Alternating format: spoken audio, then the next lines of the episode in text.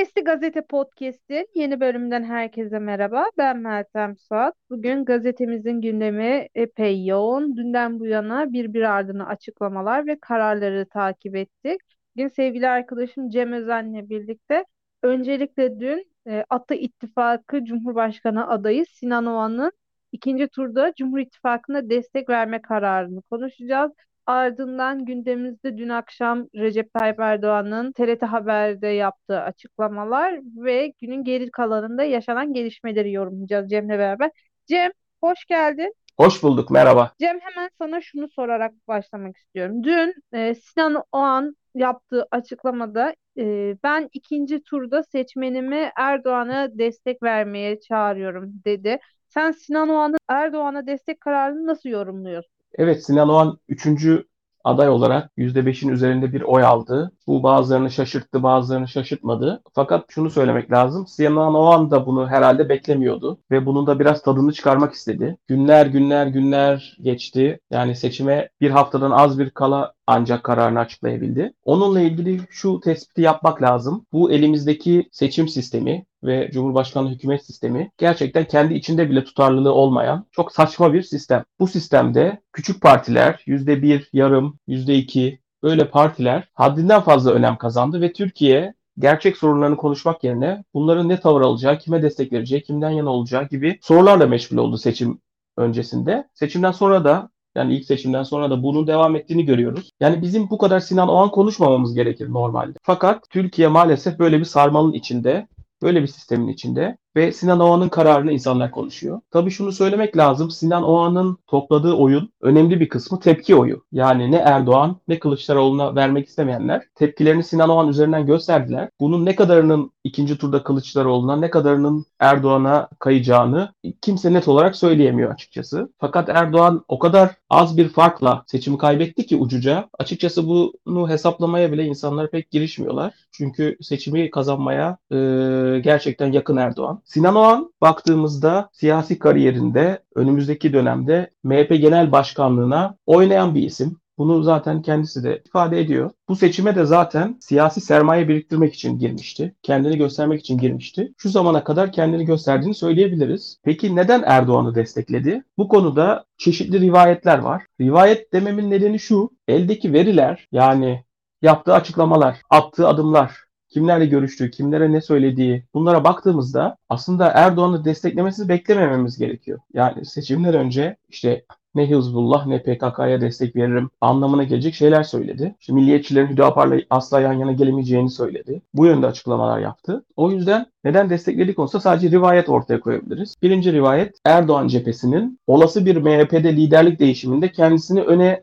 çıkaracağı yönünde bir destek vermiş olabilir. Dediğim gibi bunlar konuşulan şeyler olarak söylüyorum elde veri yok. Bir diğer rivayet Azerbaycan Cumhurbaşkanı İlham Aliyev'in Sinan Oğan'a bu yönde bir telkinde bulunduğu, kendisini aradığı yönünde rivayetler var. Bu iki faktör de olası faktör gibi geliyor bana. Diğer siyasi faktör de Kılıçdaroğlu'nun kaybedeceği ortada olduğu için kaybeden tarafta gözükmek istemeyecektir. Yani niye siyasi bir yenilgi alsın ki? Zaten sonuçlar belli. Kendisi de siyasette ilerlemek istiyor. Ee, yani Kılıçdaroğlu'na destek vermeyeceği zaten öngörülüyordu ama Erdoğan'a destek vermesi bazıları için sürpriz oldu. Dediğim gibi Türkiye aslında Sinan Oğan'ı konuşmamalıydı. Fakat standartlarımız o kadar o kadar düşük ki artık yani bağırmayan, efendi efendi konuşan biri bile siyasette böyle aranan, desteklenen, parlatılan bir kişi haline gelmiş oldu. Bu tabii Türkiye'nin şanssızlığı. Evet yani bu seçim aslında senin de dediğin gibi ittifaklardan çok küçük partilerin seçimi oldu. Neredeyse bir senedir e, ana partilerin dışında, ana muhalefet partileri ve iktidar partisinin dışında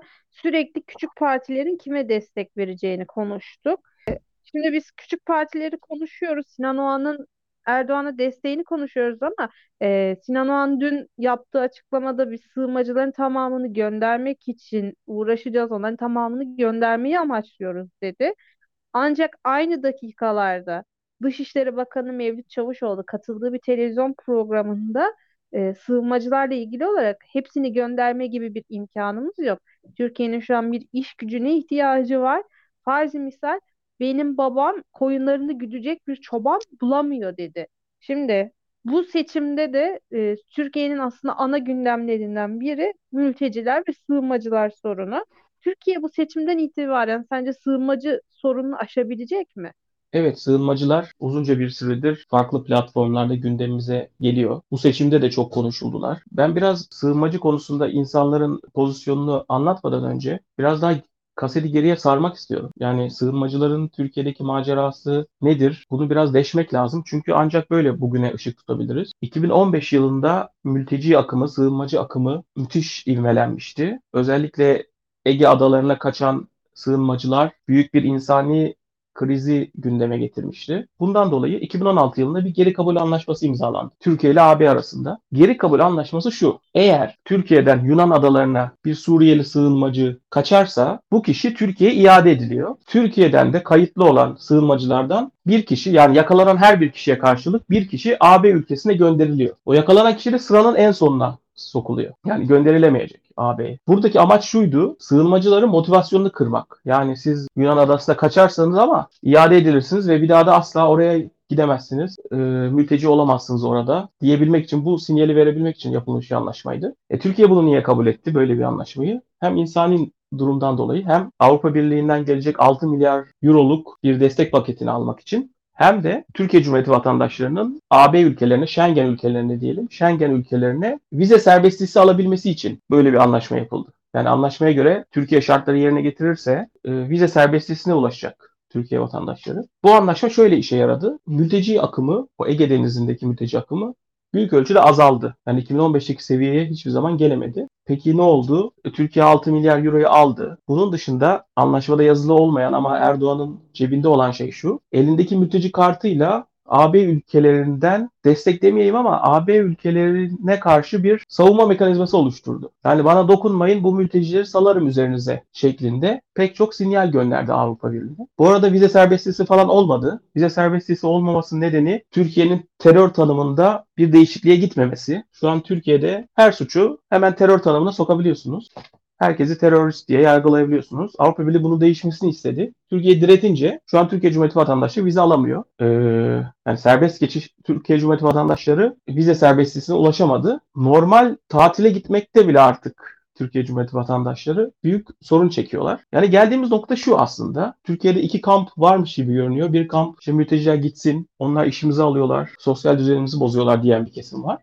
Diğer bir kesim mülteciler kalsın bu bizim insanlık görevimizdir ve hatta İslami görevimizdir diye bakanlar var. Yani bu iki yoldan başka yolları bizim düşünmemiz gerekiyor. Ben öyle düşünüyorum. Yani insani yönden baktığımızda biz bu insanları yani insanlık olsun diye burada tutmuyoruz. Bu insanlar Almanya'ya yürümek istiyorlar. Fransa'ya yürümek istiyorlar. Ya gitmek istedikleri yer o. Biz onları burada hapis tutuyoruz. Yani onları burada hapis tutmamız insani mi? Bence hayır. Yani evet onların insani şartlarını sağlamalıyız, onları korumalıyız. Fakat AB ile anlaşıp 6 milyar euro alıp tamam üzerinize salmıyorum burada dursunlar demek bu ne kadar insani bunu tartışmamız gerekiyor. Ben geri kabul anlaşmasının kesinlikle iptal edilmesi gerektiğini düşünüyorum. Başka formüller bulunması gerektiğini düşünüyorum. Kılıçdaroğlu bu konuda bir plan açıklamıştı. Suriyelilerin geri gönderilmesi Suriye'ye. E, somut bir plandı bu. Fakat maalesef seçimler de bunun karşılığını göremedi. Aslında Türkiye'de Zafer Partisi eliyle bir mülteci düşmanlığı ırkçı bir tonda yaratıldı. Kendisi de zaten %2'nin üzerinde bir oy aldı. Türkiye'de belli kesimler mültecileri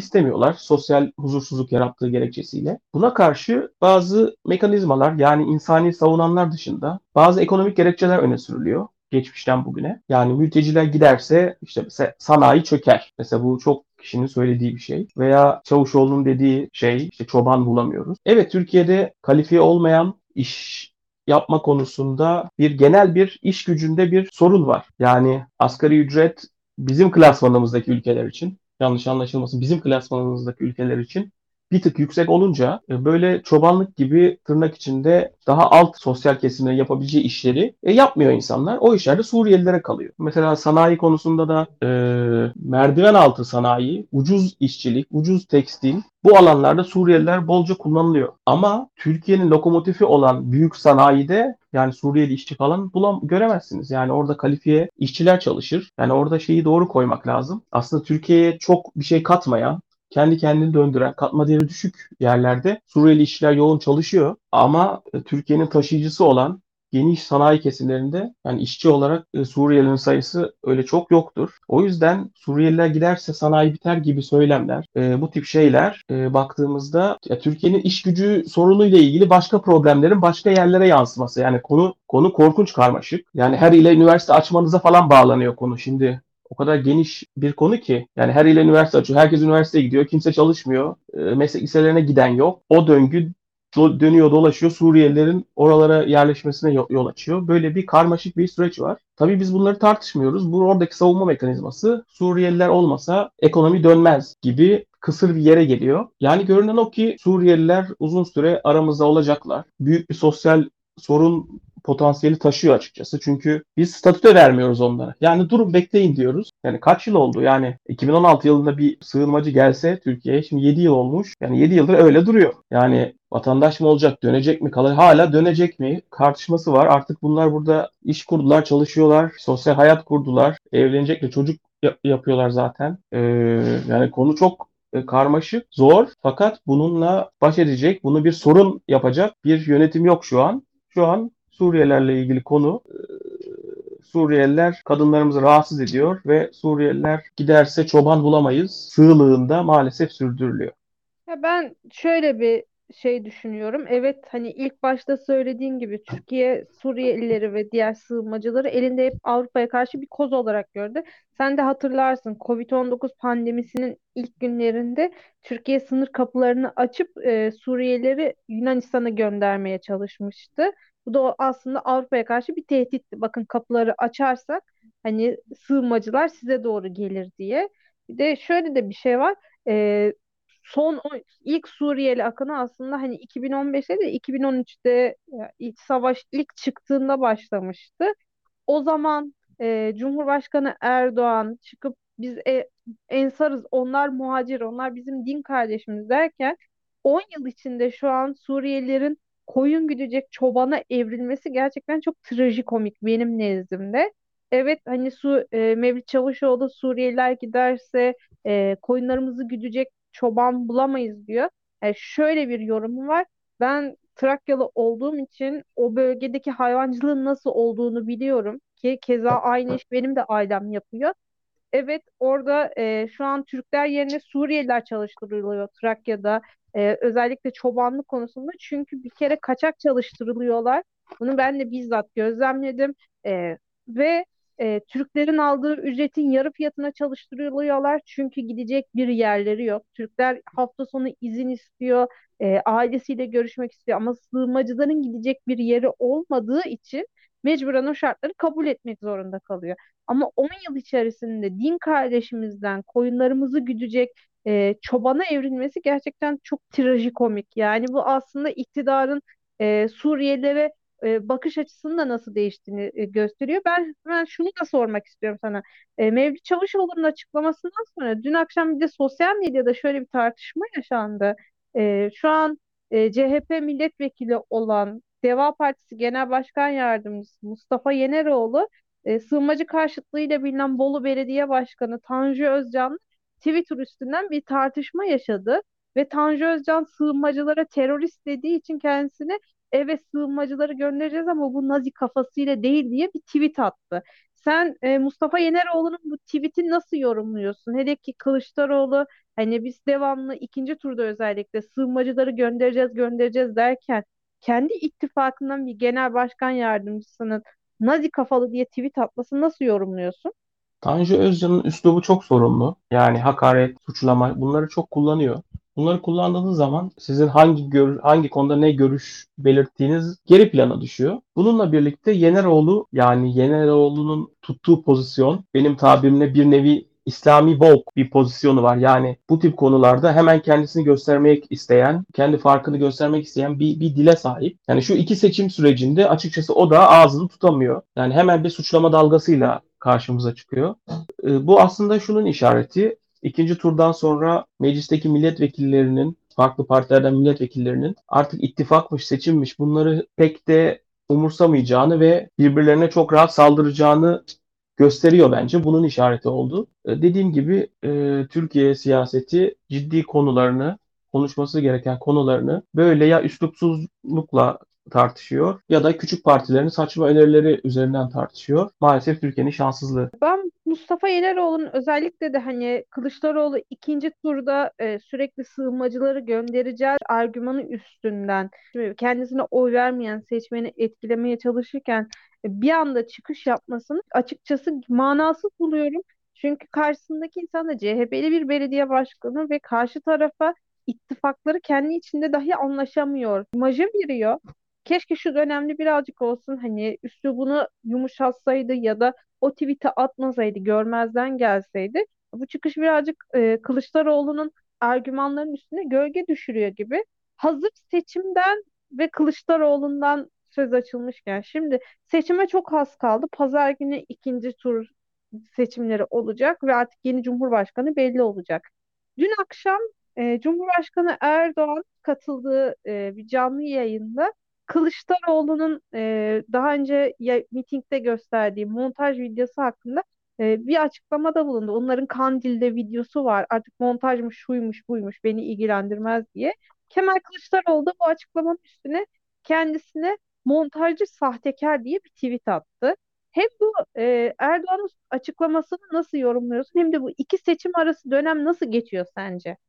Montaj video Türk siyasi hayatına kara bileke olarak yazıldı. Yani bu video yüz binlerce insana gösterildi meydanlarda. Yani post-truth çok konuştuğumuz bir konu ama bence bu post-truth çerçevesinde bile yer almıyor. Yani o başka bir konsept. Yani doğruların eğip bükülmesi ve yeni bir doğru yaratılması ile ilgili farklı bir konsept. Bu dümdüz yalan. Yani yalan video. Hani eski usul Sayın Erdoğan biliyorsun e, yeni medya, sosyal medya bu tip yeni kavramlar konusunda daha muhafazakar birisi. O eski usul yalan video, montaj video yayınlamayı tercih etmiş. Yani siyasi olarak söylenebilecek ne var bilemiyorum. Kendi kitlesini tutmak için tüm bu siyasi sistemi yarattı. Yani 2000 15'lerden sonra Erdoğan şöyle bir siyasi pozisyona sahip. Ben kendi kitlemi tutarsam, kendi kitlem zaten belli bir yüzdesi var. %45, %50. Ee, o kitleyi tutarsam ben her seçimi kazanırım. Bu ülkeyi yönetirim. Kimse de bana karşı çıkamaz modunda. Ve tüm medyayı da söylemini de hep bunun üzerine kurdu. Kendi %45'ini korudu. Ekonomik olarak, sosyal olarak hep onları gözetti. Hatta ara ara benim milletim bunlara izin vermez, benim milletim bunlara hayır der diye bazı söylemleri olur Erdoğan'ın. Muhalifler de çıkar der ki hayır ben öyle düşünme, hayır ben öyle demiyorum falan der. Yani Erdoğan size seslenmiyor ki orada. Ya benim milletim derken o %45'i kastediyor aslında hep. Onun muhatabı o. Yani dışarıyla böyle bir muhatap olmama hali var. Tüm bu düzenek döndü dolaştı. İşte montaj, kesip yapıştırılmış bir videonun yayınlanmasına geldi. E, Kılıçdaroğlu da zaten son dönemece giriyoruz. Artık sözünü sakınacak bir durum yok. Böyle sert bir üslupla, sert bir dille eleştirdi. İkinci tur nasıl geçiyor? Ona dönecek olursak zaten az bir süre var. Zaten oylar da alınmış. Ortada sadece oy vermeyenler ve Sinan Oğan'ın oyları var. Bir de azıcık İnce'nin oyları var. Yani seçim %48-46 olsaydı belki bir yarıştan söz edebilirdik. Sıkı bir yarış olabilirdi. Fakat fark gerçekten çok az. Erdoğan da bunun farkında. Onun için çok fazla taşları yerinden oynatmıyor. Sinan Oğan'ı kendi saflarına çekmesi zaten onun için önemli bir kazanımı oldu. Fazla taşları yerine oynatmıyor. Kılıçdaroğlu kanadı ise biz kendimizi anlatamadık diyerek yola çıktı ve daha sert, daha milliyetçi, daha sağ seçmene hitap eden bir söylem benimsedi. Yani yerleşik seçmen oy vermiş yerleşik seçmen üzerinde etkisi olur mu? Seçimde göreceğiz ama dediğim gibi seçimleri kazanması çok zor ve herkesin kullandığı tabirle Kılıçdaroğlu bütün tuşlara basıyor. Son birkaç gün kaldı. Hala birkaç hamle yapıyorlar. Ne etkisi ol, olacağını göreceğiz. Tabi sadece seçimi kazanma kazanmam olarak bakmamak lazım. %60'a 40 kaybetmekle 51.5'a 48.5 kaybetmek arasında bir fark var. Hem ülke için fark var hem kendi siyasetleri için fark var. Ülke için fark şu olur yani çok farklı bir şekilde %55'in üzerinde 56, 57, 58 oranın da üzerinde bir farkla kazanırsa Erdoğan e, rejim oldukça vulgarlaşacaktır. Yani yüz, Türkiye'nin %58'i bizi istiyor diye yola çıkarsa Erdoğan çok daha sert bir rejim göreceğiz. Muhalifleri daha tanımayan bir rejim göreceğiz. Daha güvenlikçi bir rejim göreceğiz. Buna şüphe yok. Fark az olursa biraz daha dengeleri gözetmesi gerektiğinin farkına varacaktır Erdoğan. Böyle bir fark var. Ee, Kılıçdaroğlu açısından bakarsak yani az farkla kaybettiği zaman e, CHP koltuğunu koruma refleksi daha yükselecektir. Az bir farkla kaybettik. Şimdi yerel seçimlere hazırlanalım diyerek e, sonbaharda yapılması beklenen e, kurultay öncesinde elini güçlendirmek istiyor açıkçası. Fakat fark açık olursa parti içindeki varsa muhalefet ayaklanacaktır, hareketlenecektir. Kendi koltuğu da tehlikeye girecektir. Yani seçimin e, kazanılması dışında böyle sonuçlar da var. Son olarak sana şunu sormak istiyorum. Şimdi benim ilk, nacizane ikinci turla ilgili gözlemlerim şöyle. Birincisi evet senin dediğin gibi Kılıçdaroğlu daha sağ seçmene hitap eden bir söylem benimsedi. Özellikle sığınmacılar konusunda sürekli sığınmacılar gidecek, terör bitecek tarzında hani direkt milliyetçi seçmene oynayan bir argüman kullanıyor. İkincisi de hani sen ne düşünüyorsun bu konuda onu çok merak ediyorum. Sanki bu seçim ikinci turda biraz yalnız kalmış gibi. Şu ana kadar Altılı Masa'nın diğer beş partisinin liderleri Kılıçdaroğlu'nun ikinci tura kalması hakkında herhangi bir net bir açıklama yapmadı. Meral Akşener bir kere konuştu. Onun dışında sanki Kılıçdaroğlu bu seçime tek başına hazırlanıyormuş gibi bir hava var. Sen ne düşünüyorsun? Altılı Masa acaba dağılacak mı bu seçimden sonra?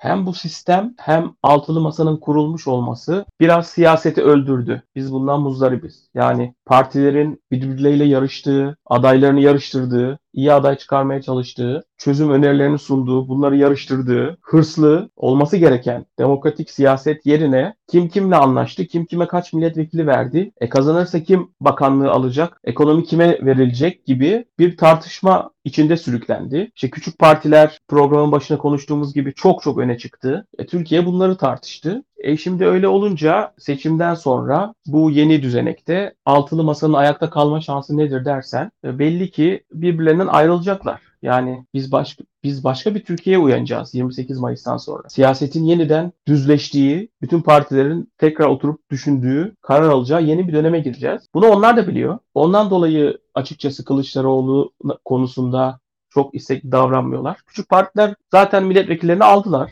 Dediğim gibi siyasette bir bir yenilgi kazanma nosyonu var. Yani Kılıçdaroğlu'nun kaybedeceği belliyken ona full destek vermek, yani kaybedeceği belli bir şeye full destek vermek siyaseten ne kadar verimli? Basitçe bunu düşünüyorlar ve açıkçası birazcık normal modda destekliyorlar. Dediğim gibi siyaseten bu normal. Yani biz siyasi anormallikleri son 1-2 yıldır hep yaşadığımız için siyasi gündemimizde aslında normalleşen şeyleri de algılayamıyor gibi oluyoruz. 28 Mayıs'tan sonra siyaset geri gelecektir. E, kartlar yeniden dağıtılacaktır. İttifaklar yeniden düşünülecektir. Bu kadar küçük partinin söz sahibi olduğu bir sisteme tekrar dönülmez diye düşünüyorum. Zaten Erdoğan'a da böyle bir soru sorulmuştu. O da sistemi değiştireceklerinin sinyalini vermişti. Yani bunlar aslında normal. Anormal olan bir ittifakların kendi içinde pazarlıklar yapması, bakanlık pazarlığı, milletvekili pazarlığı yapması, çatlak ses çıkmaması, tüm siyasi amaçlarını çatlak ses çıkmaması üzerine kurması. Bunlar anormaldi. Yani biz anormal bir süreç yaşadık. Çoğu insan da ses etmedi Erdoğan rejiminden kurtulmak için. Bu gerekiyorsa bu tamam bu olsun dediler. Fakat seçim de kaybedilirse yani bu kadar çatlak ses çıkmasıncı bir sistem seçimde kazanamıyorsa e, çatlak ses çıkacak tabii. Peki Cem çok teşekkürler yorumların için. Son olarak eklemek istediğim bir şey var mı manşetimizi atmadan önce? Yok. Peki çok teşekkürler. Bugün Sesli Gazete'nin manşetinde e, Sinan Oğan'ın Cumhur İttifakı'nı destekleme kararı ayrıca hem iktidar e, kanadında hem de muhalefet kanadında yaşanan sığınmacı gerginliğini ve tartışma açıklamalarını konuştu. E, sür manşetimizde ise iki seçim arası dönemde e, hem Cumhur İttifakı'nın hem de Millet İttifakı'nın söylemleri ve açıklamaları vardı. Sesli Gazete Podcast'in bir bölümün daha sonuna geldik. Sesli Gazete'nin geçmiş bölümlerini dinlemek ve yeni bölümlerinden haberdar olmak için bizleri Spotify, iTunes ve Google Podcast kanallarımızdan takip edebilir. Ayrıca Daktilo 1984'ün diğer yazı, içerik ve yayınlarına göz atmak için web sitemizi ziyaret edebilir ve YouTube kanalımıza abone olarak katıl butonuna tıklayıp bizleri destekleyebilirsiniz. Hoşçakalın.